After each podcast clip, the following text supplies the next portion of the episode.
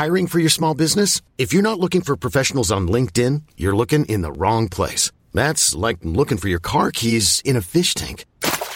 LinkedIn helps you hire professionals you can't find anywhere else, even those who aren't actively searching for a new job but might be open to the perfect role. In a given month, over 70% of LinkedIn users don't even visit other leading job sites. So start looking in the right place. With LinkedIn, you can hire professionals like a professional. Post your free job on linkedin.com slash achieve today. When you're ready to pop the question, the last thing you want to do is second guess the ring.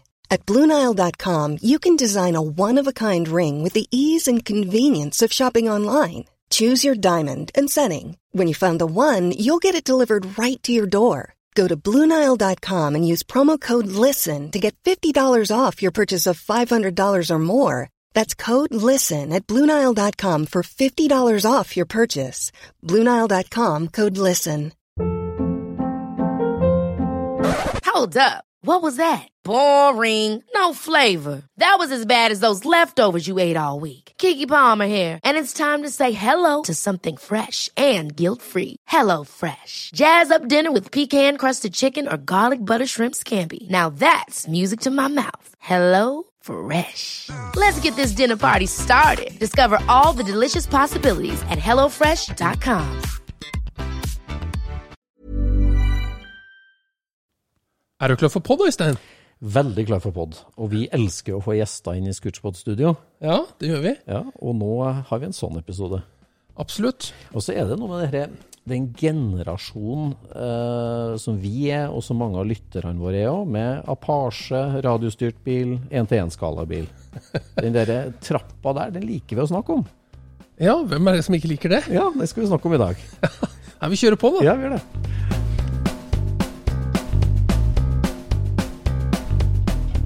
Du lytter nå til Scootspodden, en norsk podkast om klassisk bil med Jon Roar og Øystein.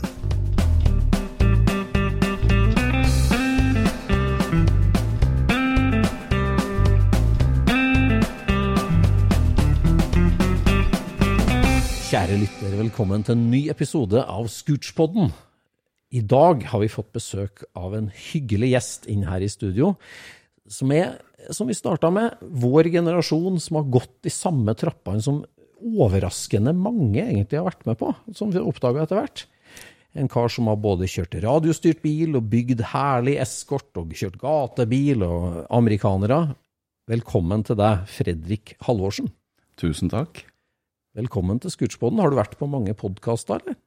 Uh, jeg har jo bare lytta på podkaster, men uh, det er jo min første gang jeg er hos dere, så det her er jo veldig spennende. Ja, så hyggelig. Det er Hyggelig å høre. ja. Ja. Vi eh, liker jo å ha besøk, og vi har jo sett altså vi har sett eskorten din på forsida av Fast Ford og på gatebil, og, og nå har du bygd en nydelig patinert amerikansk pickup. Du, du favner bredt i bilinteresseområdet ditt. ja, altså jeg har ikke noen sånn spesiell favoritt. Eh, Eskort var vel eh, Det var vel egentlig bare sånn at eh, det her var tøft. Ja. Og så tenkte jeg meg sjøl at eh, jeg har lyst til å bygge en sånn eskort. Ja. Og så begynte jeg da med en varebil av alle ting. Ja. Ja.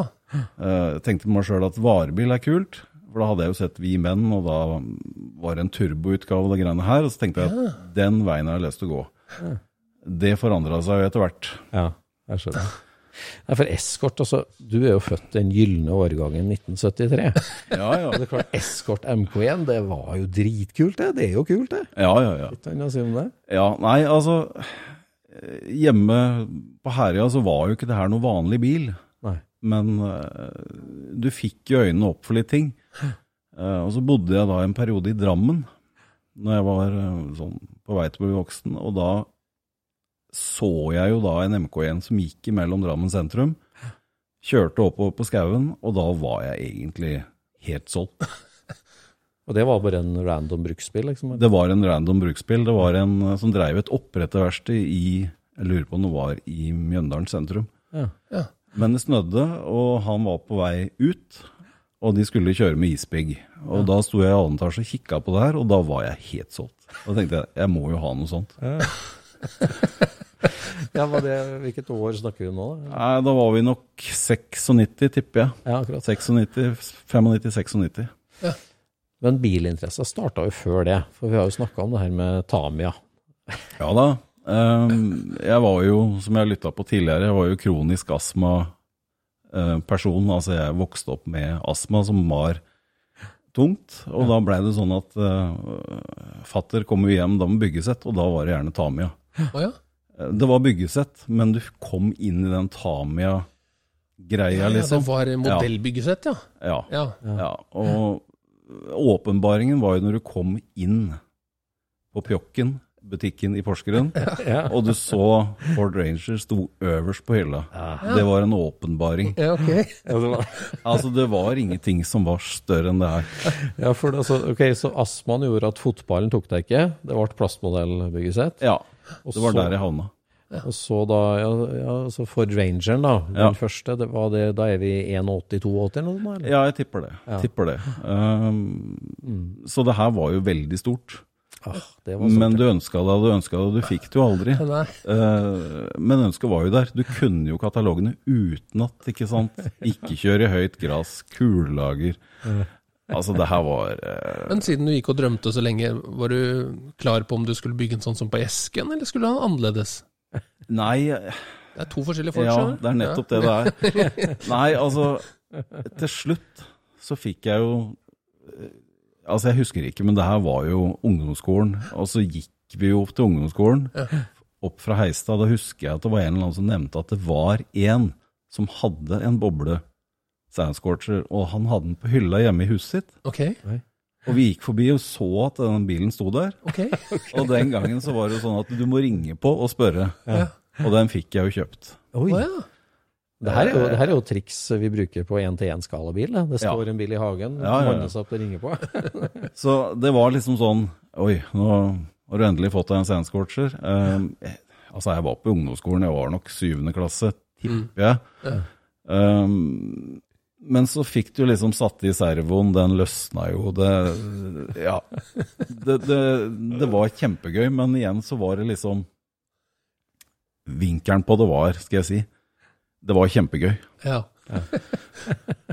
Men, Plukka du den eh, helt fra hverandre og sånt? Ja, jeg plukka den fra hverandre, og så hadde vi kjørt litt med den, og så blei det sånn at skal du ha noe annet, så må du selge det. Ja. Og alle ting, så dukka jo Gjestland opp. Han ville ha den. Ok. Så den gikk videre dit. Birger Gjesdal? Ja, ja. Ja, ok. Så det var litt sånn rart. Den gangen så var det noe som het PD-torvet, som du kunne selge det her på. Altså du skreiv annonse, du sendte den inn med brev, ikke sant. Ja, stemmer. Det høres ut som det er veldig lenge siden. Ja, men det er det jo. Ja, det er jo egentlig det nå. Så du drømte om Rangeren, kjøpte Ja. en brukt Sandscorcher, Ja. og så hva fikk du da i kikkerten som gjorde at du solgte? Nei, altså Det stoppa nok litt opp. Eh, det gjorde det, men interessen var jo der hele tida. Ja. Og jeg også var jo en sånn Fra min generasjon så var det jo Apache. Jeg fikk jo det tidlig. Ja. Eh, så det var jo sykkelbygging, og det var radiostyrt. Det var liksom det det gikk i. Ja, ja. Det var sånn verden var. veldig igjen, altså. Ja, ja så det, det var liksom Men eh, altså, vår generasjon de måtte jo finne på ting, og det gjorde jeg også. Så det blei jo sånn at eh, ok, skal vi lage en olabil, og det var jo veldig populært på den tida. Eh, de som arrangerte løpet på Herøya, de fant ut at nei, dette her tar vi i Frierbakken. Altså de som er kjent på Herøya, vet at Frierbakken er bratt. Ok. Ja, så jeg eh, hadde jo snekra sammen en olabil. Inne i bilen husker jeg jo sjøl, der satt du jo med beina, du satt med hyssing for å holde styring. Og så hadde jeg oljekanne inni, for jeg ville jo sørge for at det her rulla best mulig. ok. okay for å olje underveis, liksom? Ja, det var for å olje når du sto i pitten, ikke sant, Ja, før du skulle ut. Men det du ikke tenkte på, var jo at når du satt utover bakken, så tenkte jeg herregud, og så begynte den jo å vingle, ikke sant. For her var jo vekta tyngre enn den ungen som egentlig skulle ligge i barnevogn. Så når jeg kom i bånn, da kollapsa jo de fire hjula. Men det her var jo Første pokalen min, da, det var den fineste olabilen 1984. Og firetallet var feil, det hadde du snudd. Så det var jo noen som hadde laga en flott sånn der premie til meg. da. Så- det, det er jo et trinn på den trappa vi har snakka for lite om, egentlig. Olabil, ja. Ja. Jeg brukte mange år på det. Herregud, mange år. Ja, ja, for lite om. ja, altså det, det var nok der den der skapergreia begynte. Jeg vil kalle det det. Og at fatter kom innom med en forgasser fra Bay Auto som du kunne plukke i sønnen og i hele tatt. Det var nok, det var nok mye der. Ja. Så- Sunn oppvekst. Ja, ja, og jeg er oppvokst på gård, men det var jo nedlagt gård, da, så jeg hadde liksom tilgang på mekking. Ja. Og da kom vi over på neste, og det var jo Tempo Corvette. Ja. Det er et must. Ja. Så der var jeg òg. ja. Da var du tolv. Ja, da var jeg nok 15-16. Ja. Så den også kjøpte jeg jo fra avispenger. Ja. Uh, og satte den på utsida av låven, og så husker jeg onkel kom fra Tønsberg og sier at den her må du ha sertifikat for, og da hadde jeg jo ikke informert fatter om det, men uh, jeg måtte jo plutselig ta det sertifikatet, da. Han var ikke veldig fornøyd da. så Med Tempo Corvette så er det jo sånn at du må skru. Ja. Enten du Og vil du, eller ja, og du snur jo den motoren feil vei kun én gang hvis du skal bytte vei.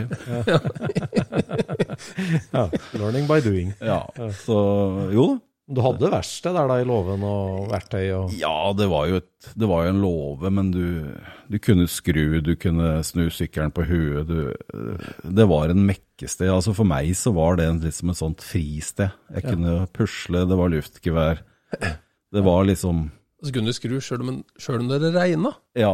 Det var liksom Nei, det var en veldig fin, fin greie. Fin tid, da. Du får utvikla deg sjøl og på en måte mestringsfølelsen, da. Selv om det er en olabil, så er det der det begynner. Da. Ja, ja, ja. ja, for det er jo det liksom sånn Er det, er det skapinga, mekkinga eller kjøringa du likte best, på en måte? Det du kjenner? Ja. ja, altså for meg så utvikla det her det videre til den skapertingen, da. Altså Mm. lage ting, forbedre ting. Og det blei jo liksom Du satte på kometsett. Du var ikke fornøyd med hvordan det gikk. Mm.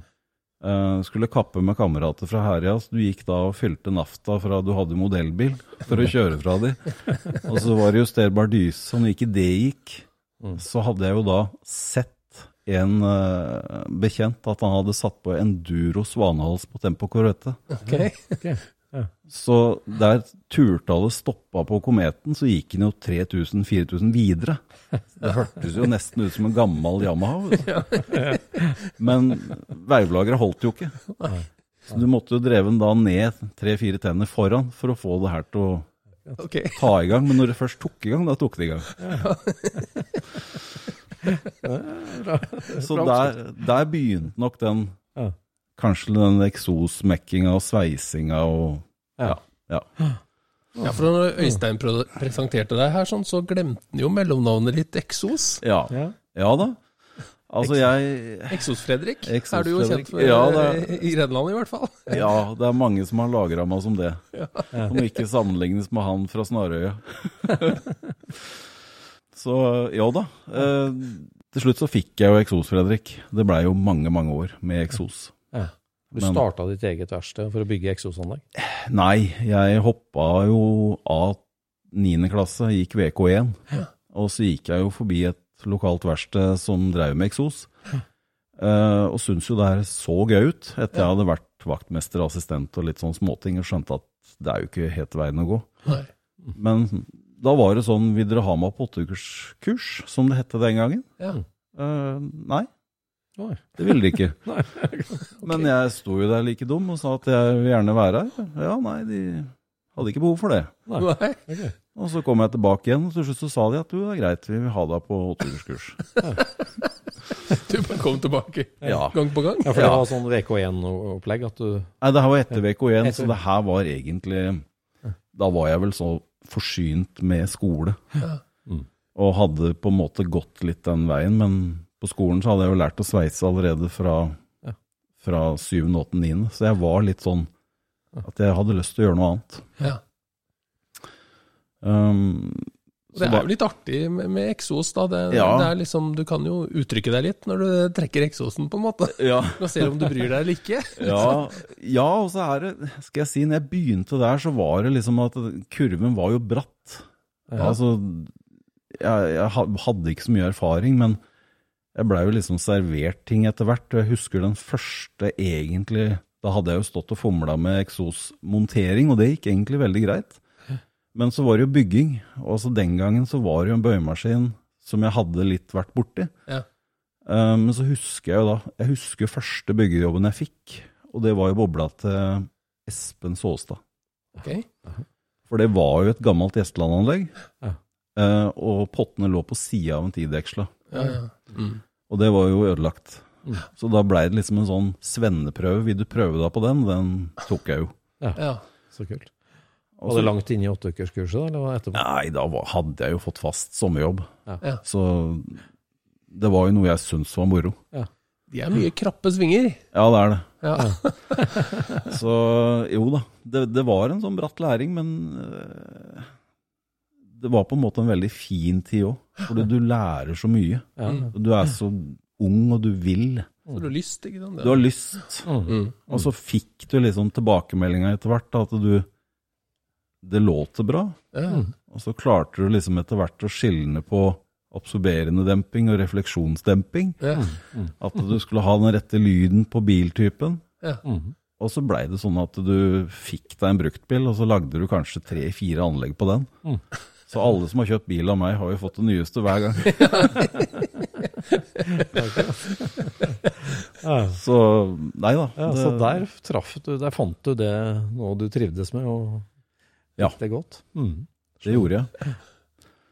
Så fra den eksos, skal jeg si, bygginga, så blei jeg jo der i ni år. Ja.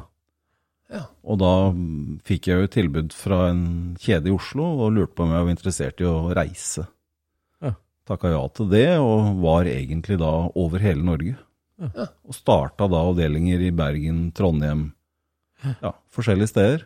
Ja. Og for hvert sted jeg var, så skrev jeg jo gjerne FH på eksosanlegget. Ok. Så da kom jo spørsmålet, ikke sant. Men jeg var litt sånn at det, det her satt så i fingrene at du blei bare sånn at eh, ok, vi tar den byggjobben. Og så var de med, de som hadde fått avdelingen. Ja. Så var de med meg en måned eller to, og så gikk jeg videre. Ja.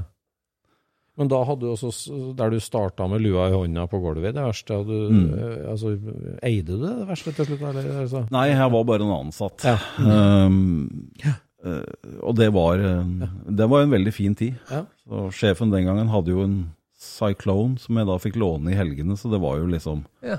21 år. Ja. Cyclone var could jo, ask for more. det var jo gromt den gangen. Ja, det var gromt. Det er fortsatt litt gromt, det. Ja, den står på lista. Akkurat, så da reiste du rundt i Norge og lærte eksosfaget til andre. Ja. Ja. Og da er det liksom bygge fra scratch, eller er det Det var mye bygget fra scratch. Ja. Um, og det var jo liksom Alle kunder har jo gjerne et ønske. Og så er det det å matche det på erfaring. De skal ha lyd, det skal ikke bråke for mye. Mm. Eh, det skal ligge høyt. Ja. De skal ha de eksostussene. Og så er det liksom Når du holdt på så lenge, så fikk du en viss sånn feeling på ting. Hva de ville ha. Mm. Um, så det var um, Ja, skal jeg si Du kunne påvirke litt sjøl òg, men det handla jo mye om erfaring. Mm. Mm. Ja, så må du jo ha en arbeidsmetodikk på et vis, da. Altså, du må jo Ja. Du må jo Du må jo se for deg hvor du skal treffe, Ja. og så treffe. ja. Og til slutt så gikk jo det her på at det gikk på øyemål. Og du brukte venstrefingeren til å holde der du skulle bøye, og så gikk jo der automatikk. Mm. Mm. Um, og du visste egentlig hva du skulle bruke når bilen kom inn. Så kom det inn en gammel skal jeg si, en XR3 eller Manta, så visste du at du skulle ha en ovalpott på midten. Du visste at du skulle ha en runden bak, og så ble lyden perfekt. Derav Eksos-Fredrik. Ja, og det blei jo sånn at uh, refleksjonsdemping, da, som er kammer, det var jeg ikke så veldig glad i. For det, du fikk ikke fram den rette lyden. Okay. Ok. Så det var absorpsjonsdemping? Absorberende demping, det var liksom det som var greia. Ja. Da fikk du riktig snerten på bilen. Mm. Det var vel på tida her du fikk en litt eksklusiv kunde, var ikke det? Eller mange kanskje, men i hvert fall en særnorsk bil. Ja, det, det var jo til slutt så fikk jeg jo Hvis det er den jeg tror du tenker på, Ja. så fikk jeg jo en telefon fra eh, en kjent person. Eh, eller egentlig, jeg kjente den jo ikke, jeg fikk bare en telefon, og så blei det sånn eh, Vi lurer på om du kan hjelpe til å lage noe enderør på en bil. Ja, det kan jeg sikkert. Hvor stort er det her, liksom? Nei, det er tre tom, men så går du ut til syv eller åtte tom. Ok. Men er det, hva er det for noe tull? Er det vill i røret? Eller er, det noe, er det her for noe Nei, det var liksom Det var supergromt. Okay. Alvorlig eh, japsestuk der, altså. Ja, det var virkelig stort. Og så blei det sånn at eh, ok, hva er det her? Nei, det er Il Tempo. De skal restaurere Il Tempo Gigante. Ålreit. Ja, så Bedre eksosjobb kan du vel ikke få i Norge? Eller? Nei, altså det, det blir sånn litt surrealistisk. Ja. Du skjønner ikke hva som egentlig skjer. Nei. Eh, du vet jo at det her er gromt. Ja.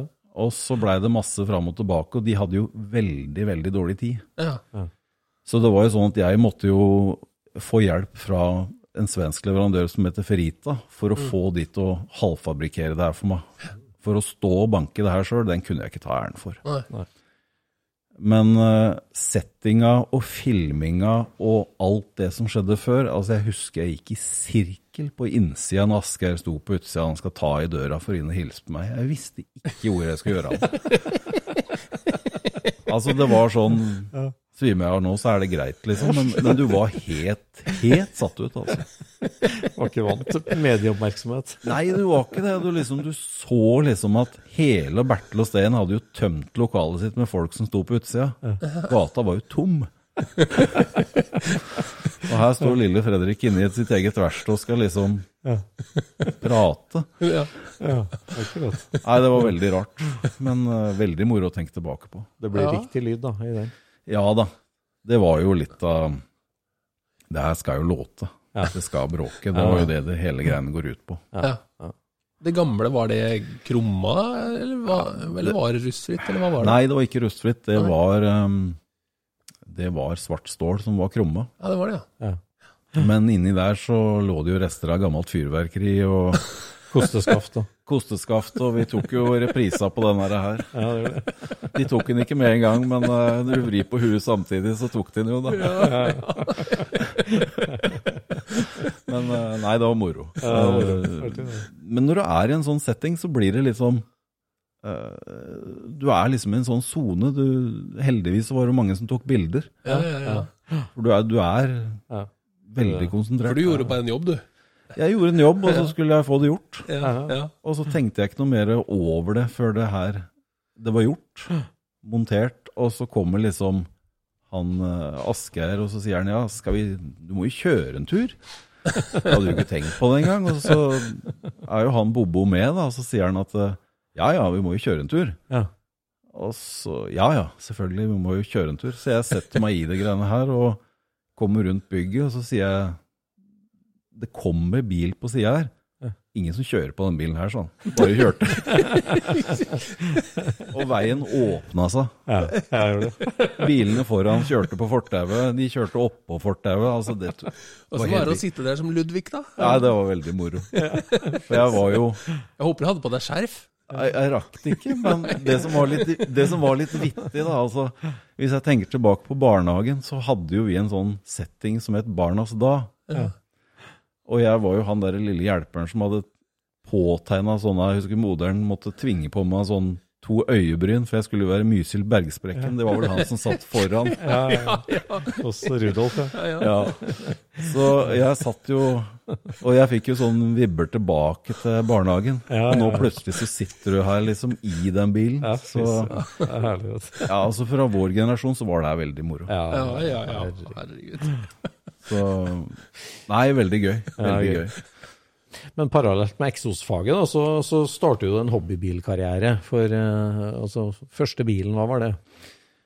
Altså, jeg er oppvokst i en eh, 1303 S Big. Ja. alle ting. Den, den fikk jeg jo som sagt når jeg var eh, Nå går vi litt tilbake, men jeg fikk den når jeg var 16, men den var så opprusta at jeg måtte gi opp. Ja. Så den solgte jeg videre. Fikk spora den opp til Re kommune. Han sa det var Norges mestvinnende bilcrossbil. Oi. Jeg vet ikke om det stemmer, men eh, Hvis han er fra Re, så ljuger han ikke. Ja, nei, ja. Så det var ND 18616 var regnummeret på den. Ja, sånn cirka. Ja. Herlig. Eh, Jeg spora den opp nå i nyere tid, altså. men- ja, ja. den er i Re kommune ennå. Å, ja. Eh, det har vært moro å se, men Ja. det er lenge siden. Men. I den setting her så fikk jeg jo en Polo Mark 1 av naboen. Mhm. Og det var jo den tida som du hadde bøker, ikke sant, som du kunne lese om hvordan du skulle restaurere en bil. Ja, ja. Og det var jo liksom, du kunne ta bærepose, og så kunne du kline på litt plastic padding, og så Ja. kunne du trykke det her inn i et rusthull, og så var det jo som nytt. Ja, ja. Men det var min første bil. Bilfiks, eller hva det du i bøkene? Ja, ja. Og da begynte jeg jo liksom å bytte hjulbuer og sånn. Da var jeg jo var ikke gammel. Nei. Fikk låne kompressor av faren til en kamerat av meg. Husker det at eh, når jeg begynte å lakke, så så jeg jo det at støvføyka ble jo dratt inn i den kompressoren. Ja. Hadde litt forklaringsproblem med faren hans etterpå, for den var jo gjennomført gul. Og bilen ble jo lakkert gul, da. Kvikkgul. Ja. Den- Ja, Mark 1. Og den Jeg tror jeg så den i Moss sikkert ti år etterpå, like hel. Ja. Og like gul. Like gul. Så det var polo. Ja. Starta med polo. Ja, ja. Og fra den poloen så ble, bytta jeg til meg en Taunus. Og da også blei det jo litt sånn at du skulle ha en annen kam og en annen topp og litt trimming og den, den tida så skulle det være, skulle det være koksgrått. Ja. Ja.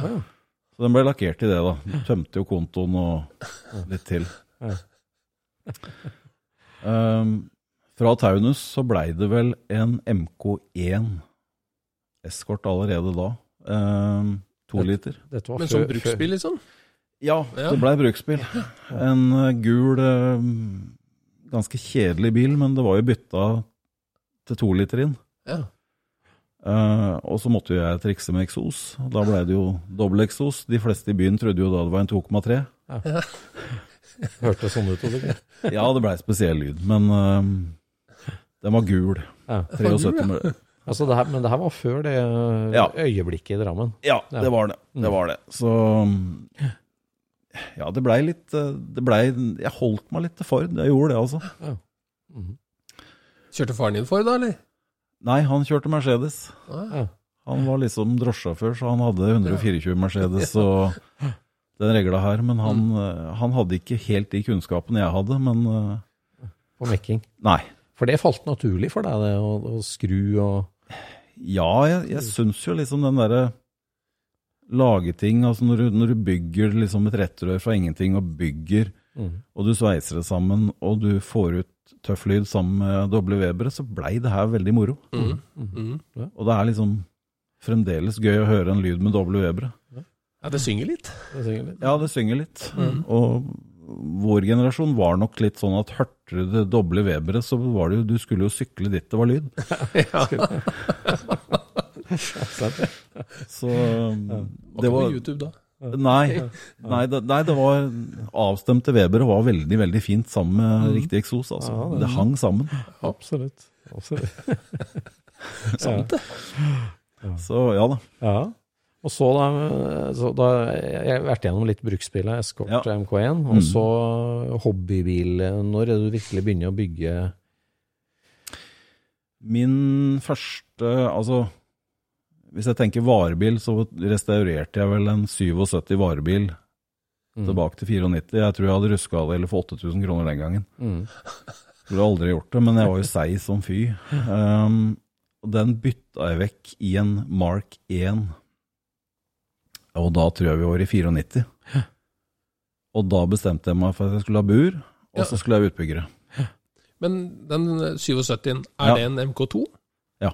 Det er en MK2. Ja, det var en varebil. Mm. Men er det med høyt eller vanlig tak? Ja, det var høyt tak. Alle de kanskje har høyt Ja, tak, eller? stasjonsvogna hadde Ja, Det sånn var det de det, kalte for likbil. Ah, ok. Eh, Men Så det jeg, skulle være høyt tak. Ja, og så Ja, jeg vet ikke helt hvorfor varebilgreiene var sånn, men det, det var en sånn greie. Jeg hadde lyst til å bygge det. Og så er det dobbel dør bak, ikke sant? Stemmer det. Mm. Hørte fjærene knirka når du åpna det. Ja, For det der er jo noe som de har eh, tatt vare på fra noe gammelt, er det ikke det? Jo, Altså, jeg, jeg tror det. det er noe Ja. Thames eller et eller Ja, det er noe Thames-greier, det. Det var veldig engelsk. Veldig engelsk, ja. Så det, det også var jo en bil jeg huska fra Herøya. Så jeg kjente jo til bilen. ja, akkurat. Så det var var en 7000 kroner i, i, sveisedeler? Ja, det var den gangen. Den var, den var helt gjennområten. Men i hvert fall så blei den jo ferdig, fikk hjelp til å lakke der. Bytta den vekk da i en Mark 1 fra 70. Og så blei det sånn at eh, ok, nå skal vi ha utbyggere. Ja. Nå skulle du begynne ordentlig eskort. Ja. Bur og Skulle ha bur, og buret det bygde jeg jo på verkstedet, for jeg hadde bøyemaskin. Mm. Så det var gjort på en kveld. Fikk uh, funnet opp en toliter som jeg fikk høre av en bekjent sto på pall, var ferdigbygd av Widmer. Ja. Uh, ringte ned dit, fikk ikke så mye hjelp. Uh, satte vel i motoren, lakkerte den, og så bestemte jeg for at jeg skulle ha to blå striper over. Og så skulle jeg ha røde stoler, og så skulle jeg ha 7,5-13 minus 19, som var veldig pop den gangen. 7,5-13 minus 19. Ja. Ja. 7,5-13 med minus 19 innpress. Det Ja, var liksom original RS-hjul den gangen. Da stikker det godt ut. Ja, Men det gikk ikke på utsida. Så det her var liksom Ja. Men er det glassfiberskjermbredere, da, eller? Da var det glassfiber. Ja. Så når du var ferdig å støpe, så visste du ikke om du hadde lukket porten. jeg sto jo selvfølgelig på jobb og gjorde det her. Så du var, du var sånn Hvor mye er klokka nå? og den ble knall oransje med to blå striper over. Den ble helt uh, Diamond White med to Skoda-striper. Jeg fikk uh, veldig god hjelp av Morten Bensen til lakken.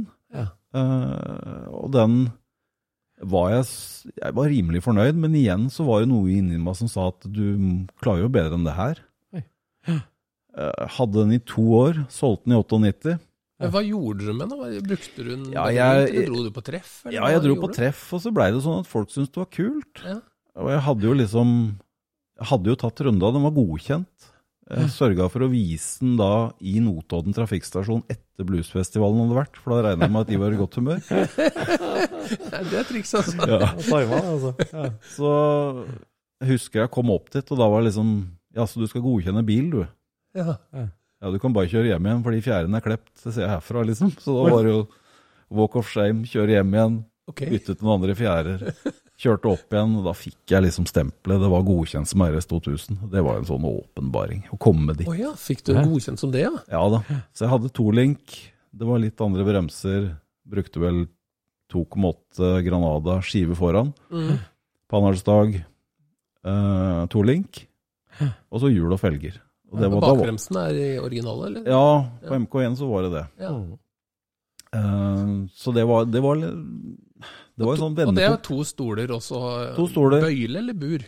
Ja, det var jo litt kombinert eksosrør og litt sånn for å få den bøylen til, men Mest for luks. ja, det var jo mest for luks. Og du, du, det, altså den, den følelsen å sette seg inn i det her, kjøre første turen uten interiør og aluminium som skurrer og plater, altså det var, det var kjempegøy.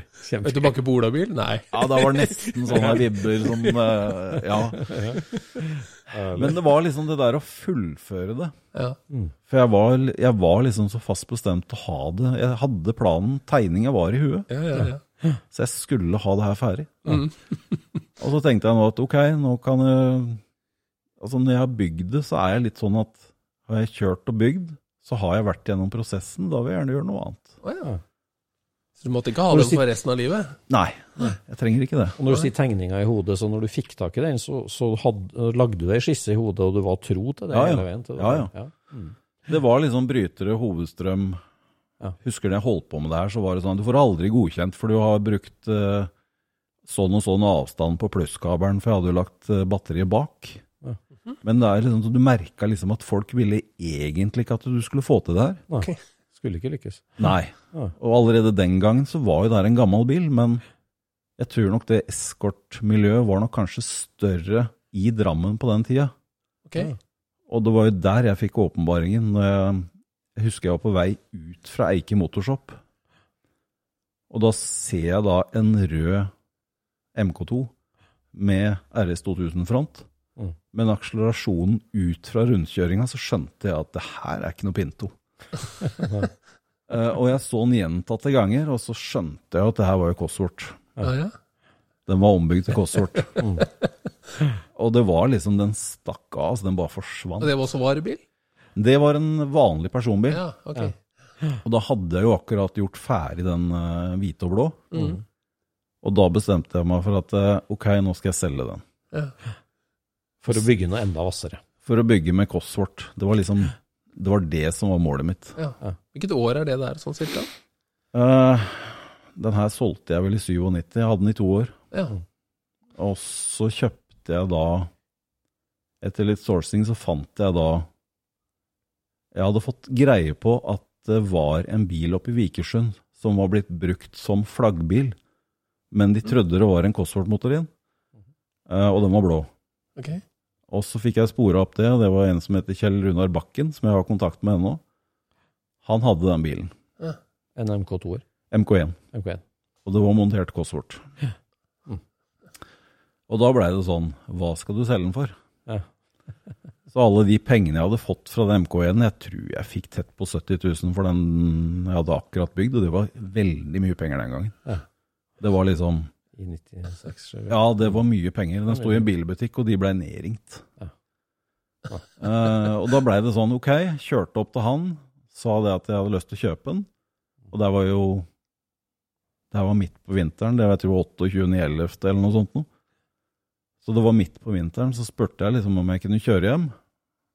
Ja, men uh, jeg har sommerdekk. Ja, kan du ikke bare sette på noen 13-toms piggdekk?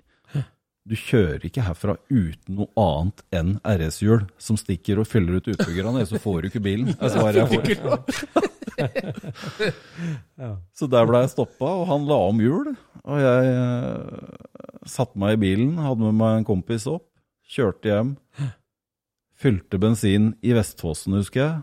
Og antageligvis så var den drivstoffet så gammelt at den stoppa jo sikkert to-tre ganger på veien hjem.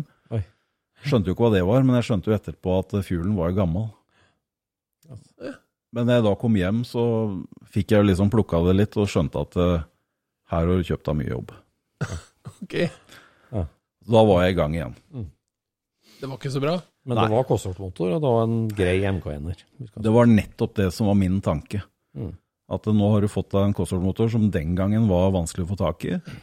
Du har en uh, bil med utbyggere, du har rette felger, og så begynte jeg da å planlegge. Men det satt injection og turbo på den, eller? Ja da. Ja.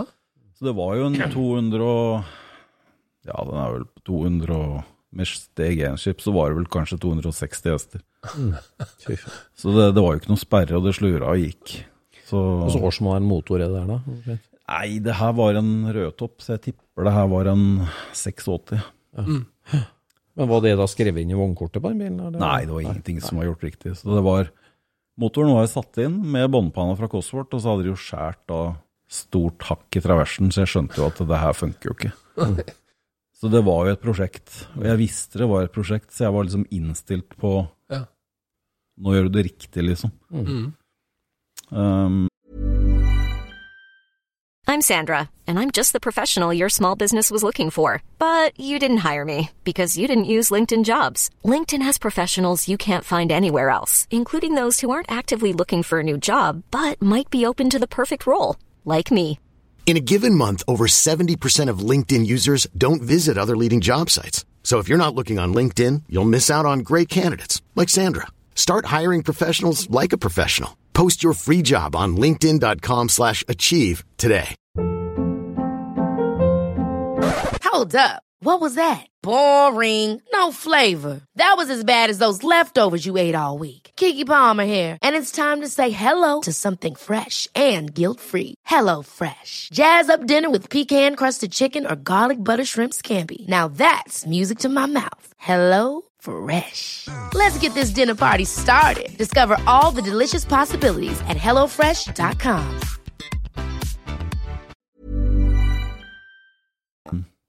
og det jeg gjorde da, var jo rive den i fillebiter, skjære av utbyggere, begynne å sveise. Og det var jo da bytte gulv, bytte tårndeler. Eh, ja, jeg holdt vel på et års tid. Hadde jo sett for meg tegninga, den skulle jo være oransje. Mm. Phoenix oransje. Jeg skulle ha Mexico-striper. Um, men de skulle være skjært over buene. Mm. Jeg ville ikke ha de rett over. Jeg syns det brøyt litt rart. Mm. Uh, jeg skulle ha Superlight som det blei, da. Mm. Og den gangen så var splittfelger i Superlight, det var ikke så vanlig. Eh, fikk spart opp til de, da. Så den arbeidstegninga her, den ramler inn hos deg med en gang, på en måte? Den der, eller? Ja, det var jo den eh, Du hadde jo liksom noen retro å og etter og noe sånt noe. Ja, du kjøpte det på ja, eller et ja, eller ja, du var jo der og du var jo der og kikka på det her, og så blei det sånn at eh, ok, jeg, jeg tror jeg datt over et bilde at ok, det her er den veien du skal gå. Du skal ha en Phoenix Ranch. Ja. Uh, husker jeg prata med Morten, det her var jo rett før han la ned i Hovenga, husker jeg. Men i hvert fall så var den fargen veldig lysende. Ja. Eh, og når han hadde lagt første strøket på den, så tenkte jeg meg sjøl at herregud, det her var nesten som et sånt uh, skilt, altså. For det lyste jo bare opp. Men jeg hadde jo bestilt merker. Um, men så var det jo å få montert det her. Uh, og begynte på taket, og det blei jo skeivt. Ja. Men jeg fikk retta det på et vis, og da blei det sånn at ok, jeg tok de to strikene på taket. Nå må jeg kanskje kontakte noen som klarer det bedre enn jeg. Og da kom jo Richard Jacobsen inn, Ja. via Morten Bensen, da. Som har vært en Scootspod-gjest tidligere. Ja. Ja. Ja. Så det har blitt en veldig god kamerat. Så han la dekor for det. Ja, han la dekoren, og når vi fikk lagt den dekoren da, da falt liksom det her litt på Du så at det her fløyt litt sammen. Begynte å bli litt ferdig? Er litt Ja, du, du fikk liksom de stripene, du fikk sorte stoler. Det, det blei riktig. Stemte med tegninga i huet. Ja. Ja. Og da, når jeg hadde kommet dit, så var det jo liksom Skal vi ha radiatoren bak, liksom? Så begynte det liksom å kikke på Skanke, hva gjorde han, liksom? Han hadde radiatoren bak. Og så kom jo det spørsmålet hele tida. Eskort har jo aldri blitt levert med turbo, ikke sant? Nei, altså MK2 Hva hadde MK2 uten, altså uten turbo vært da med Skanke? Mm. Ja, ja. Så jeg begynte liksom at jeg skulle ha det turbogreiene. Jeg skulle ha radiatoren bak. Ja. Uh, når bilen var ferdig, så husker jeg vel at jeg hadde brukt radiator fra en Sierra. Hadde lima den med noe tokomponentsgreier. Det angrer jeg på når jeg kom på Rudskogen til første turen. For det varte ikke lenge. Men lå den i gulvet, da? Eller hvor er, hvordan er det du Ja, vi, løser det? vi felte den ned i gulvet bak med to vifter eh, og sirkulasjonspumpe. Ja. Og jeg husker vi kjørte, vi kjørte jo bort til eh, Rudskogen, og når du kom ned i kjelleren på Bastefosen da på sommeren med to vannrør inn i bilen, så hadde du de vannrøra inn i én gang. Altså, det rant, altså. Du var gjennomvåt når du kom bort. Det var varmt, ja. Ja, varmt, ja. Men, Men i, i grillen foran så hadde du ladluftkjøler, da? Eller hadde du ingenting? Eller? Nei, da hadde jeg, da hadde jeg intercooler, og det var liksom tanken maks effekt. Få varmen Ja. bak, for det er utnyttet, det blir så mye varme ut av den lille motoren i det lille motorrommet. Ja. Uh, så tanken var radiatoren bak. Ja. Og det- det- kaldluft, sånt. Ja, og det, det funka greit, altså. Mm. Litt mye kupévarme, bare. Ja. Ja. Men du fikk liksom en seks runder, da var det slutt. ja. Men Ja, for eh, det- prøvde du å få den her godkjent, da? Eller åssen var det? Ja, da kom jo neste spørsmål, ikke sant. At eh, du var jo livredd for å bli stoppa. Mhm. Og da tok jeg jo kontakt med Tarjei Ja. og spurte om han var interessert i å hjelpe meg. Um, og vi lossa opp den bilen på en E46 på henger og kjørte ned da til Tyskland. Det blei veldig, veldig bratt på Petter Wessel, det var rett før den blei satt vekk. Så turen gjennom Danmark, så var jo de så dårlige at de hang ut av vinduet. og du kan tenke deg hva som skjer da med bilen som hang bak. Uff da. Nei. Så vi, jeg måtte jo stoppe på et par bensinstasjoner i Øreint, og de lå jo baki der og krølla seg. Men uh... Ja, for når du nevner Tarjei her nå, så må vi huske at nå er vi jo i Grenland. ja. Og der er jo SS Performance og Tarjei Ja. eh, Kristiansen. Tarjei Kristiansen, ja. Ja. Så så, han var jo litt involvert i, i Lindvall og nesten Ja. alt som har hatt skilt lovlig eh, i Ja. det distriktet det var liksom Tarjei var liksom mannen, og han visste hvordan vi skulle gjøre det her, og hadde sin kontaktperson. Snakker jo flytende tysk. Um, og det var veien å gå. Ja. Så vi reiste jo ned dit, eh, og var der nede en helg, og kjørte hjem igjen. Mm. Med da godkjenning. Ja. Så de prøvekjørte den, eller? Ja da, vi parkerte den på det hos den kontaktpersonen han hadde, og så gjorde jo de Altså det er jo gjerne Dekra, eller hva de kalte det den gangen. Ja. Men uh, alle de papirene og utfylt, og det blei testa, og det blei gjort sånn at vi skulle ta oss en tur og komme tilbake da dagen etterpå. Og så fikk vi jo da papirene, og alt var gjort riktig. Så det var et ordentlig papir og et ordentlig dokument, og så blei det da Merka du at eh, de hadde hardkjørt den, da, eller? Ja, jeg kjente jo det. Og de måtte jo ettertrekke felgene på hjulmutter og litt sånn, så de hadde jo vært og sjekka ting. Men igjen så var det jo liksom Jeg hadde jo tolvtoms bremser foran. Jeg hadde gjort det ordentlig. Det, Det må jo føles veldig bra å kjøre hjemover med noe sånt i Ja, det, det var veldig gøy, det. Um, igjen så er det sånt vendepunkt, liksom, at du Nå har du Du har klart det, liksom. Ja. Du har begynt, du har planlagt, og du har gjennomført. Mm. Og det er en veldig det er god så rått følelse. at Altså. i Norge så har vi det som en stor bragd, at det går an å få godkjent noe. Ja, du lever lenge på den, altså. Det skal ikke gå an det i Norge. Så tok du med deg til Rudskogen da, og kjørte en del gatebil. Og... Ja. Eh, litt Rudskogen, og jeg var jo ikke noe Jeg har jo aldri vært noen sjåfør, aldri lært det her. Og, altså Når du så profilene, så skulle det slures og det skulle spinnes og Jeg kan aldri tillegge å ha sagt at jeg har vært noen god sjåfør, men jeg syns det var moro å kjøre. Jeg synes det var veldig moro å stille ut. Og det blei jo pokaler overalt. Ja. Og jeg husker første gang jeg var der borte, så blei det jo sånn at uh, Skau han hadde jo scenen og skulle dele ut pokaler. Mm. Og så begynte han jo på første Ford, eh, jeg tror det var førsteplass, og så sier han når vi er ferda til Mexico Jeg skjønte jo ikke hva det er, det her var jo en tekst. Ja, ja, ja. Og så var det jo da Ja. Så var det jo Fredrik Halvorsen, Mark 1 Escort. Ja. Så var det førsteplass. Ja. Beste form. Det var beste motorrom. Det var beste Shine. Oi. Så jeg måtte jo nesten få hjelp for å få med pokaler. Så det her var jo Nei, det var kjempemoro. Artig. Ikke minst at andre likte den visjonen og den smaken du sjøl kanskje hadde. da. Kanskje traff på noe. Mm. Men den bilen så jo akkurat ut som forsida på, på Fast Ford. Ja, ja. Mm. Ja da. Og det var Der kom jo engelskmennene, ikke sant. De begynte jo å ringe da, og lurte på om de kunne komme på Gatbill.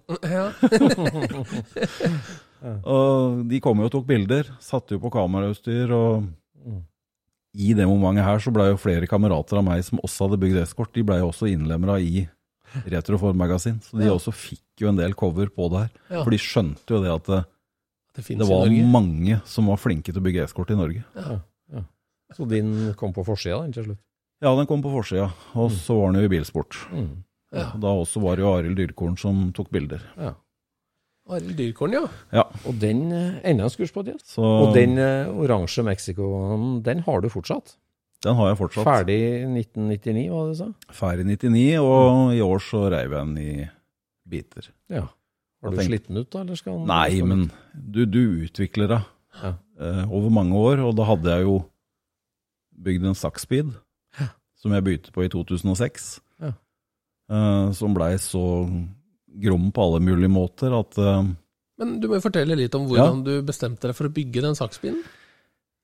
Ja, det var bilde. Det Ja. var et bilde, og så fant jeg ikke noe mer enn det ene bildet. Nei. Og så blei jeg litt sånn bergtatt av de utbyggerne, og det her var jo liksom en sånn Deutsche Tourenwagen Ja. den gangen, 99, altså 1974, ja. For greia her er jo at dette er en bil med, med breddere. Mm. Og den har jo et stripedekor Ja. som gjør at breddere og former syns helt vanvittig bra. ja. Det er jo Og da var jeg solgt.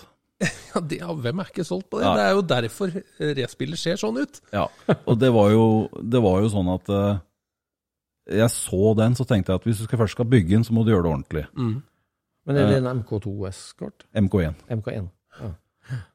Eh, Da hadde jeg jo den Mexicoen, den var jo ferdig. Mm. Og for å få til det her, så hadde jeg jo da restaurert en MK2 RS 2000. Det gjorde jeg vel på et halvt års tid. Og så bytte jeg til meg da en totalt urørt MK1 som var fra 69. Okay. Eh, Den var solgt ny i Skien. Det var, jeg husker at den gikk på Kjørebekk, og det var to godt voksne damer som kjørte den. Antageligvis to søsken. Ja. Um, den var sånn at det var skvettlappene sto der fremdeles. Mhm. Altså, det var kvitteringer fra den var ny. Den var helt strøken. Bra stand, ja. Mm. Ja. Og det var liksom endelig så kan du sette i Saga i en original 1,1.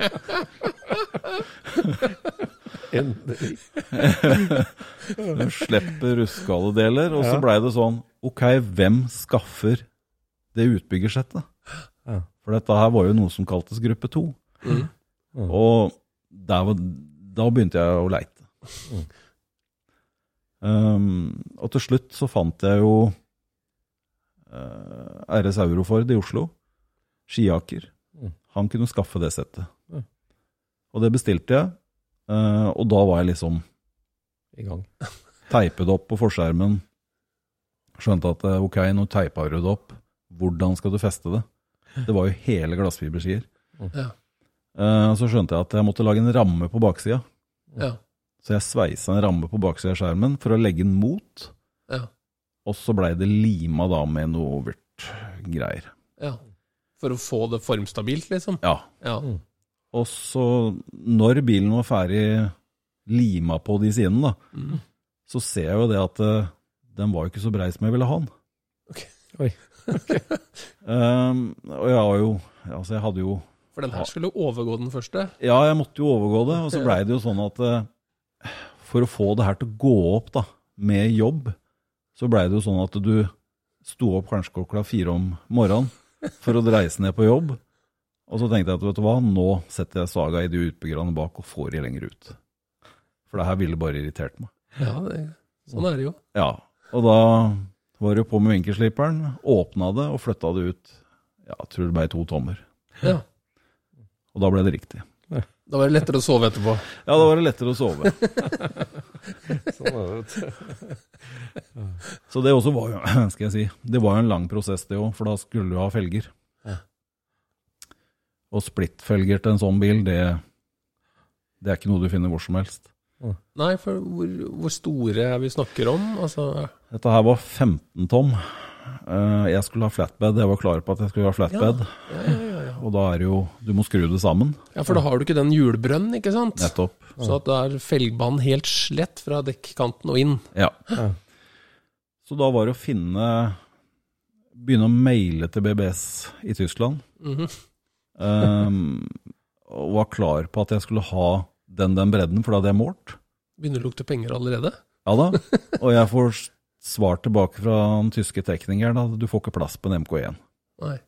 Og så sendte jeg bildet tilbake igjen, og da var det greit. Da skjønte han hva jeg skulle bygge. Nattberedda bil. Ja. Og da hadde jeg på en måte funnet ut av felgene, men da sto du på neste problem, og det var jo å finne dekk i 15 tom. Mm. Kjempeproblem. Ikke, ikke så lett, nei. Nei. Og da Til slutt så fant jeg vel en fransk Ja, det var Michelin TB5. Ja. Ja. Med en svensk leverandør som hadde da TB5, og kunne bestille det. Det er jo ganske gromt mønster òg, det. Ja. Um, og det blei jo gromt. Mm. Og så var det jo igjen Ok, nå har du kommet dit. Nå skal du ha fargen. Mm. Og da var det igjen kontakte Morten Bensen. Få han til å hjelpe meg med å maskere, gjøre alt det er riktig. Mm. Men uh, han naila jo det jo. Mm. Så ja, vi kom i mål. Hvilken motor satte du i den, da? Um, Cosworth, Mm. Ringstad Det var vel Ringstad strek Jens Hanestad som bygde den motoren. Um, på fullt øs Jeg tror vi var på 4000 omregninger, så lader den to kilo. Så um, det var den gangen som var tanken bygg moment. Jeg var klar på det, for jeg hadde, jeg hadde ikke noe ønsker om å kjøre turtall. Nei. Og da var det jo igjen prosessen, da. Skal du godkjenne skal du ikke godkjenne det? Mm. Så da laga vi to filer, og den ene blei på 330. Ja. Um, og da var det jo igjen samme runde, spørre Tarjei. Mm. Og den prosessen Trekking på båten. Ja. Ja, og da var det jo en prosess som tok Fra vi sendte bildene til Tyskland, så tok jo det her nesten to år. Og det tok såpass? Ja. Og det var jo også samtidig som Stein Arne var nede med transporteren sin, så vi, vi kjørte jo nesten ned sammen. Ja. Men det var en lang prosess, og til slutt så fikk vi svar tilbake at uh, skal du få til det her, så må du ha varselblink. det Og det var det eneste klausulen de hadde når alt var ferdig, det var å få montert en varselblink på den Det er livsviktig. Det var livsviktig. Ja. Men uh, alt ble godkjent. Ja. Eh, jeg ser jo også den har vært til salgs nå igjen, Ja. og blitt solgt. Så nå tror jeg den går i Rogaland. Så den solgte du videre, og Ja. for å finansiere da Altså da, skal jeg si, det her blei jo sånn at eh, da hadde jeg to ultragromme sånne eskorter. Det blir vanskelig å overgå det. Ja, og så er det det at du har vært og hatt reisen. Du, du har familie, du har barn. Eh, du prøver liksom å altså, jeg, jeg hadde ikke noe lager å sette på. Og det blir jo sånn at det er en dyr gjenstand. Den står på utsida av huset ditt. Og så blei det sånn Hvor mye er det verdt? Og så tenker jeg liksom Skal jeg gå en annen vei? Nå har jeg liksom gjort det her. Og da var jeg egentlig fornøyd med meg sjøl. Det funka. Men så tenkte jeg at en sånn siste greie, så vil jeg ha med meg opp på Storefjell. Ja, på Ford-treffet der. Ja. For da hadde jeg liksom slept nok rundt på treff, og det blei jo førsteplasser, og det blei Ja. Når jeg kom på podiet, så fikk jeg liksom fra naboen Kan du si fra hvor du skal hen på neste treff? For da gidder jeg ikke å komme. Men det her var jo et bygg fra scratch, og det var jo liksom nitommer fra Mustang. Det var sekvensiell kasse. Ja. Det var en brutal bil. Ja. Plukka på øverste hylle. Ja, og så var det Det funka. Det, det, det virka veldig bra, liksom. Så det var liksom veldig moro da å bestemme seg. Nå kjører jeg opp til Gol. Ja. Jeg melder meg på 201-meteren Ja. og bare ser om det holder. Og hadde med meg en kamerat. Tenkte ikke på vekt. Bare hadde med meg en kamerat. Spurte om han ville være med. Uh, ja da, det ville han jo. Og jeg husker ikke om kan vi ha vært en 20-25 biler, men jeg endte jo opp som nummer tre, da. Ja. Ja. Og Mydland tok jo førsteplassen Ja. med Granada. ja, stemmer. Men da hadde jeg liksom. Ja. Ja, så det var liksom Det var liksom å bevise det at det var ikke bare en utstillingsgjenstand. Nei, nei, det funka. Og jo mer du brukte, jo mer funka det egentlig. Mm. Så det var veldig, veldig moro. Ja. Men da hadde jeg liksom kjørt testen, og da kunne jeg gå videre. Ja. Ja, hvor går man da, da? Etter ja, bygd opp to supereskorter, bevisen på der, lar den gå, selger. Mm. Hva nå? Nei, da, da har du jo litt penger på bok, da. Det første du gjør da, er jo å sitte på Finn. Ja. Hadde du lovt kona at én bil ut, Ja, ja. så ferdig. Ja. Nei, altså da, da er jo, det er jo et eller annet gen som treffer deg her. Du, du har jo ikke helt Men sitter på Facebook, ser da at en bekjent via en bekjent i Stavanger som jeg hadde jobba, averterer da en 55 F100. Mm. 55 F100, ja, den har jo bare de fire bokstavene felles med det du Ja. har drevet, da. Ja, og da slo jo det første som slo meg da, er jo Tamia, ikke sant? Midnight Pumpkin. Ja, ikke sant? Og den fronten der er jo Det er jo Ja, det er tøft. det går jo hjem. Den er høy. den svart og flamme- Ja, den er liksom høy, den, høy kupé, den er jo rar, Ja. men den er så tøff. Ja. Det har Um, jeg ikke hørt for lenge, det ordet. ja. Jeg husker det. Ja. Så da blei det sånn at eh, ok, han her, han har lagt den ut på Facebook, det er ingen som svarer. Jeg ser at jeg har en felles bekjent. Ringer han, så sier jeg du må få tak i den. Ja. Eh, får den på telefon, og overfører 150 000 der og da. Uh, setter meg på flyet, Ja. Møter han på flyplassen. Uh, han kjører meg da hjem. Eh, Hjem til han, da, selvfølgelig. Uh, vi går gjennom papirene, overfører de siste pengene, og så kjører jeg da hjem fra Rogaland. Åssen var det å kjøre sånn, da? Nei, det var, det var en lang tur. det her var en lang tur. Det her var en det, det var liksom fra å gå fra Du gikk fra en racerbil tilbake til Olabil som du hadde bygd i veteranbil, 84. Altså, det var Nei, det var mye lyd. Ja. Men det var mye Skal jeg si det var mye liv i den bilen. Det var sånn artig. Ja. Um, kommer hjem med den her, og så igjen så begynner jeg da å tenke og fundere. Uh, den var litt smal, jeg ville ha den breiere.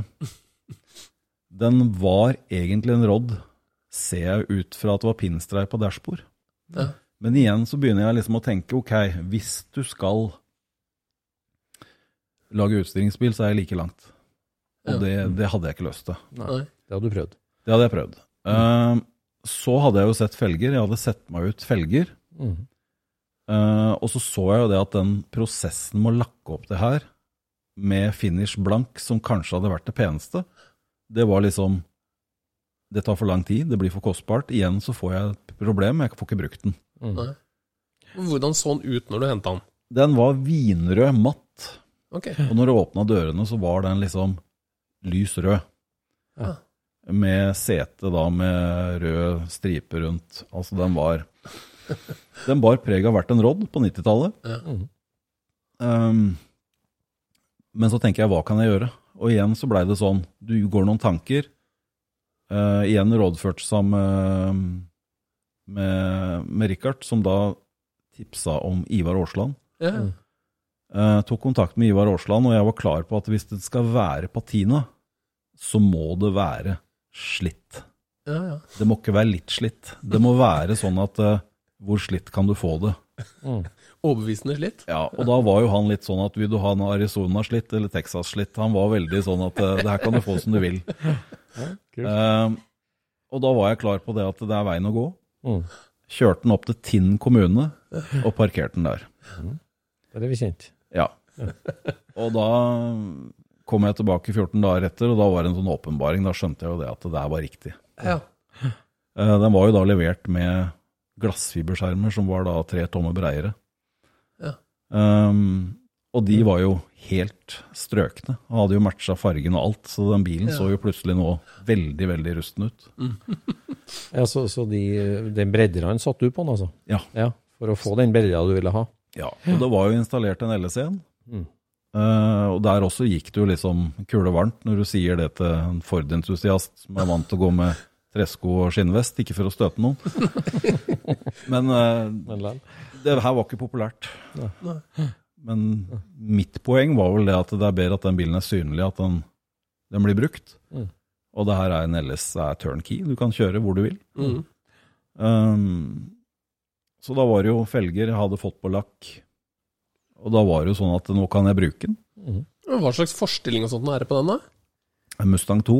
Det er Mustang 2, ja. Det er ikke noe servostyring. Det er firelink oppheng, luftfjæring. Så det var jo liksom Når du kom på treff da og slapp det her så støtfaren går i bakken, så kikker jo folk. Fordi det første spørsmålet du får, er jo Du kan ikke kjøre med det her. Men så var det da bare å åpne telefonen og flippe, ikke sant. Så åpna du jo Du heisa jo bilen på en app. Ja, ja. Så da var det jo Igjen så får du jo da tilbakemeldingen på at det her var kult. Ja, Nytt univers. Nytt Ja. univers igjen. ja, men helt nye folk og ny type treff og alt da, i forhold til Ford-treffa og racingstykket du har vært på. Ja. Så da ble det jo. Ja, god respons, og det her var jo moro. Så nå ble det jo liksom sånn at da har du klept hekken, så kasta du på Tøyahekken, kjørte opp på søpla, og folk skjønte jo ingenting når de står der med Tesla X-en sin. Så Men Hva slags felger har du på den? dette er eh, Detroit Steel Ja. uh, Artillery, heter de. Mm. Og det var liksom å få de For det er kan- tett stålfelge, ikke sant? Ja, massiv kumlokk. Mm. Og det er jo sånn at det, skal du lakke de, så kan du ikke ha de hvite. Så da ble det sånn at jeg måtte sitte med fargeprøve for å finne litt sånn off-white gulaktig. Ja. Felgene har jo en utseende som er fra en 30-taller, 40-taller. Ja. Og det er det som gjør de så kule. Mm. Men det blir litt sånn dub-aktig, de blir store. Mm. ja, ja. For den bilen der er jo Den er jo fryktelig stor. For Den er stor. hjula veldig mange pleier å ha på de. Ja. Mm. Uh, og det var jo liksom American Racing var jeg klar på at jeg skulle ikke ha. Mm. og så gikk jo den utviklinga videre. Og så blei det litt ekstra pustehjelp og Ja. litt sånne ting. Men det er jo fordi at jeg hadde muligheten. For meg så var jo det enkelt å svinge tiggeapparat og snu Hedersson og sette på en snurre. Har du gjort det? Ja da, det ble gjort. Så den går med moderat trykk, men eh, det er jo ikke noe støy. Det er jo bare en kosebil. Ja. Bruker den mye, da? Ja, Ja. det er vel den bilen jeg har brukt mest. Det? Men det er, det er litt vittig, for dattera mi er jo sånn at eh, Jeg spurte om jeg kunne kjøre opp på håndballtrening, og da var hun klar på at du kan sette meg her nede. Så lenge ikke kjøre den opp der. Ikke kjør opp, for det, her, det, det var ikke veldig populært. Utslitt farmers truck. Ja. Stas, det? Men uh, den kommer nok seinere, den. Ja, ja. Jeg syns bare det er gøy. Ja, det er gøy. Ja, da har du virkelig bredde, ja, bredde i type altså, Tenk på din Amcar-interessa eller pickup hot rod-stuket der, da. Ja. Har du liksom fulgt med på det gjennom eskortfasen. Ja, altså ut fra kunder så ser du jo hele tida trender, og du ser biler som kommer inn. Altså mange forskjellige typer kunder Mm. med masse forskjellige løsninger. Eh, og pickup hadde jo bestandig vært kult i og med at jeg hadde kjørt Cyclone. Mm. Men F100 den, eh, den var så tøff, og så var prisen var bare riktig der og da. Mm. Så Det er jo Det er jo et amerikansk ikon. Ja, det er det. Det var liksom sett på som en spa og ble brukt som en spa, og så plutselig så snudde jo helt rundt på pris. Eh, så den, det er vel den bilen jeg har fått mest henvendelse på salg. Ja, det. Men ikke ennå. Altså, alt er til salgs, men eh, ikke akkurat nå. Og så har du bygd deg en Midnight Pumpkin som ser likedan ut òg, eller? Eh, jeg sliter litt med felgene. men ja da, altså det er jo Kan dreie de på om, vet du. Ja, jeg kan det. Nei da, men det Tamia-greiene er jo fremdeles en greie jeg har. Ja, for der har du gått litt sånn sirkelen rundt og virkelig gått Du er all in på Tamia fortsatt? Ja da, jeg solgte jo det her. Drev jo RC-mester i mange år. Um, hadde det her som jobb. Ja. Solgte Tamia. Ja. Og det er klart Det er en sånn greie der at eh, Jeg glemmer ikke første gang jeg la inn ordren der, faktisk. For det var liksom Du ringer inn til importøren, så sier du du, jeg skal begynne å selge radiostyrt hobby. Mm. Ja, hva driver du med? Nei, jeg driver eksosverksted. Ja, men vet du hva, det funker ikke. Så sier jeg det funker bedre enn at du kommer til en bokhandel, og så kommer det til et menneske som ikke vet hva en radiostyrt bil er. Ja. Det her kan jeg, si. Ja. Mm. Det kommer til å funke. Ja, da kan du legge inn den første ordre på 50 000. Mm. Og det gjorde jeg. Ja. Og jeg glemmer aldri den første ballen kom. Nei. Kommer aldri til å glemme det. Nei. Så det her var jo noe jeg drev med i ti år. Ja. Når var det, da? Eh, 06, jeg begynte å selge det her i 08 til 17. Ja. Da var jeg på Oslo Motorshow og pusha det her, så det her var liksom Er det Monster Beetle og sånt tida? Monster Beetle, Hornet, ja det var HPI-tida, Sprint, Mm. Savage Flux, altså det var liksom den store tida. Det var før de begynte å lage det i din halvversjon, eller? Ja, Ja. det var det. Men uh, Ja, men Hornet og sånn da, det var jo retrosett, da? Var ikke det? Altså, jo da, det var det. Eh, kom tilbake til Oslo Motorshow, der har jeg en artig greie, fordi um, vi sto jo i teltet. Og det var jo mange personer som kom innom. Um, og den personen, en, en liten en guttunge som kom innom, masse tusj rundt munnvikene. Jeg stussa litt på det greiene her, men han satte seg ned på huk, kikka på bilene hele tida og veldig spesifikk på hva han hadde sett, og hva han hadde lyst på. Han kom tilbake, og til slutt så kom mora hans og lurte på om han kunne stå i teltet bare at vi Ja, ja, jeg kan kjøre noen runder med radiostyrt bil, sier jeg. Det går fint. Uh, tenkte ikke noe mer over det her. Og fredagen går, lørdagen går, søndagen kommer. Uh, da skal vi pakke ned. Mm. Og så kommer den guttungen tilbake, så sier han jeg kommer snart tilbake med pappa. Mm. For han vil gjerne se på det her. Yeah. Og da ser jo jeg hvem pappaen er. Ja. Det er jo Petter Solberg. Ja, det var det, ja. Og det her var jo Oliver. ja. Skjønner. Ja. Og han hadde jo da sittet på bortsida og signert postere, men jeg hadde jo ikke dratt noe kjensel på han. Så han har da signert med tusj og sittet med den i munnvikene, så det var en litt sånn artig greie. Så Petter Solberg tok med seg da to Apasjer, to ladere, tror det var fire batterier. Veldig fornøyd. Hyggelig salg på søndag. så Ja da. Herlig. Ja, har du samla i noen av de gamle Tamiya-setta, eller fra barndommen, på en måte? Ja, altså jeg har jo kontakt med leverandørene mine ennå, Ja. så jeg kjøper jo litt sånn når jeg har lyst til å kose meg litt. Ja, ja. Så hender det at jeg kjører inn på lager og ser. Og det, det er jo bare å komme inn på en sånn Tamer-lager er jo det er, det er himmel for meg, altså. Ja, Fremdeles. Ja. Det, det må oppleves å se en reol med Tamiya, altså. det er Så godt. Jeg trenger en uh, høyre spindel til en bumerang i blått. Ja, men den kommer jo tilbake nå. Den er jo relansert. Enig. Ja. Ja. Jeg har alle bilene mine fortsatt. Ja. Nei da, det er, eh, det er en del av oppveksten. ja, det er det. Og det er sånn gode minner å minne tilbake på. Ikke, altså de Det forsvinner ikke. Nei, det er ikke det. Nei. Nei, for Men når, det er jo som du når sier. den der eh, elektriske bilen har mista hovedagenturet sitt, da, da må du ta kontakt med de som jobber på fabrikken, er det, ikke sånn? Jo, det må du. Ja, for Vi må snakke litt om den aller siste hobbybilen din. da, som Ja. eh, Vi fikk et bilde fra deg her til eh, Scootspoden vår. og Det syns jeg er veldig artig. Ja. For Nå har vi vært gjennom CV-en din litt sånn med, med bil track record. Ja. Da er det litt utippa, den siste hobbybilen du har kjøpt. da. Ehm, innfall. Jeg hadde jo autosøk inne på egentlig Buddy. Ja. For den minner meg litt om uh, Total Recall og de rare bilene som var på den filmen. Men i hvert fall, ja, i hvert fall så hadde jeg autosøk inne på Tink City. Ja, så bra. Det er jo en norsk bilhistorie som egentlig er litt uh, glemt. Ja. Den forsvant. uh, uten at jeg visste så mye om det, så hadde jeg autosøk. Mm. Syns den her var litt sånn Den er litt rar. Ja. Og så er det litt sarkasme over det her òg. Ja. så jeg eh, satt på kvelden og ser at den detter inn en annonse på, på Finn. Eh, står en pris. Jeg er jo umiddelbart på Har du fått bud? Ja, det hadde den jo gjort. Ja. Men det var for lavt. Så jeg lar det vente. Mm. Og så gir jeg en nådestøtet da uka etter og sier at jeg henter den for den den summen. Mm. Så da ble en Tink City-eier lykkelig. Yes! Det liker jeg, altså. Det står mitt hjerte nært. Men eh, jeg trodde jo da at jeg la inn bilder på en sånn eh, Tink-gruppe. Det ikke jeg visste, og at den var jo offentlig, så alle så jo at jeg la inn det her. Å ja. ja. For jeg fant jo ut da via kamerater hvordan får jeg en fin? For den her var jo så matt. Og så sier jo da en, en eh, god kamerat av meg, Arild Sjølyst, at jo, du bruker varmepistol. Ja. Og da fikk jeg jo plutselig ny bil. ja.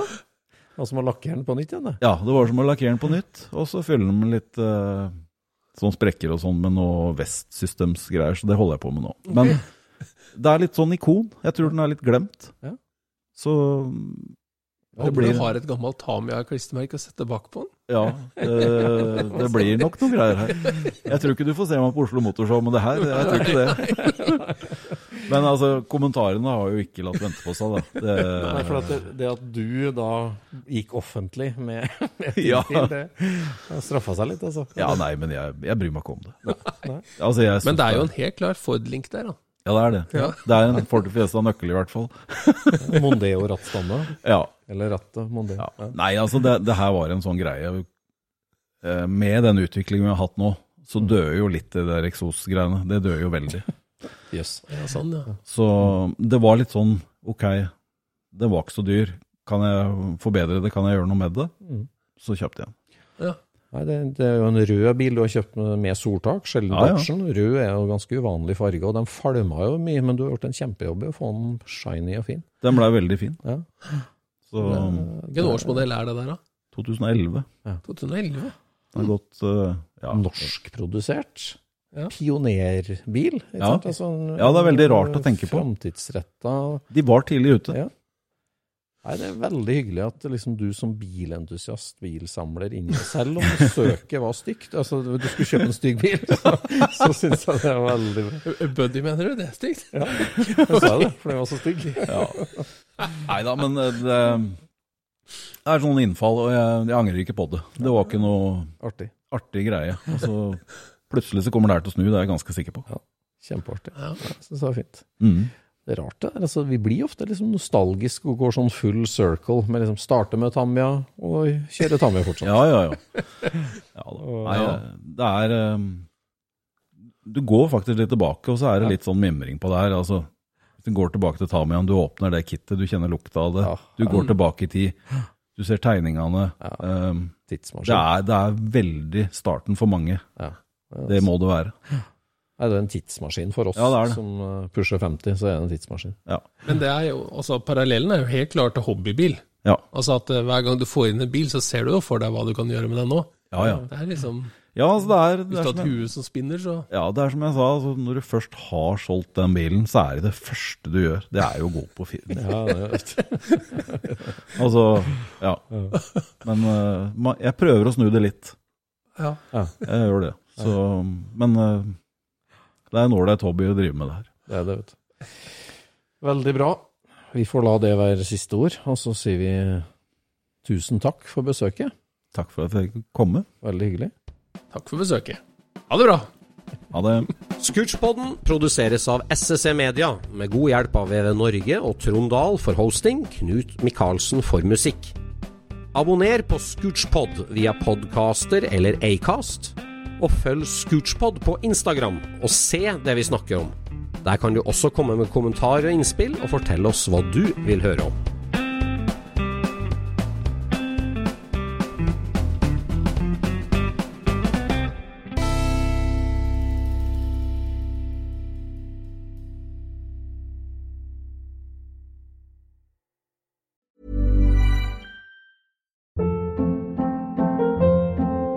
Hold up. What was that? Boring. No flavor. That was as bad as those leftovers you ate all week. Kiki Palmer here, and it's time to say hello to something fresh and guilt-free. Hello Fresh. Jazz up dinner with pecan-crusted chicken or garlic butter shrimp scampi. Now that's music to my mouth. Hello Fresh. Let's get this dinner party started. Discover all the delicious possibilities at hellofresh.com.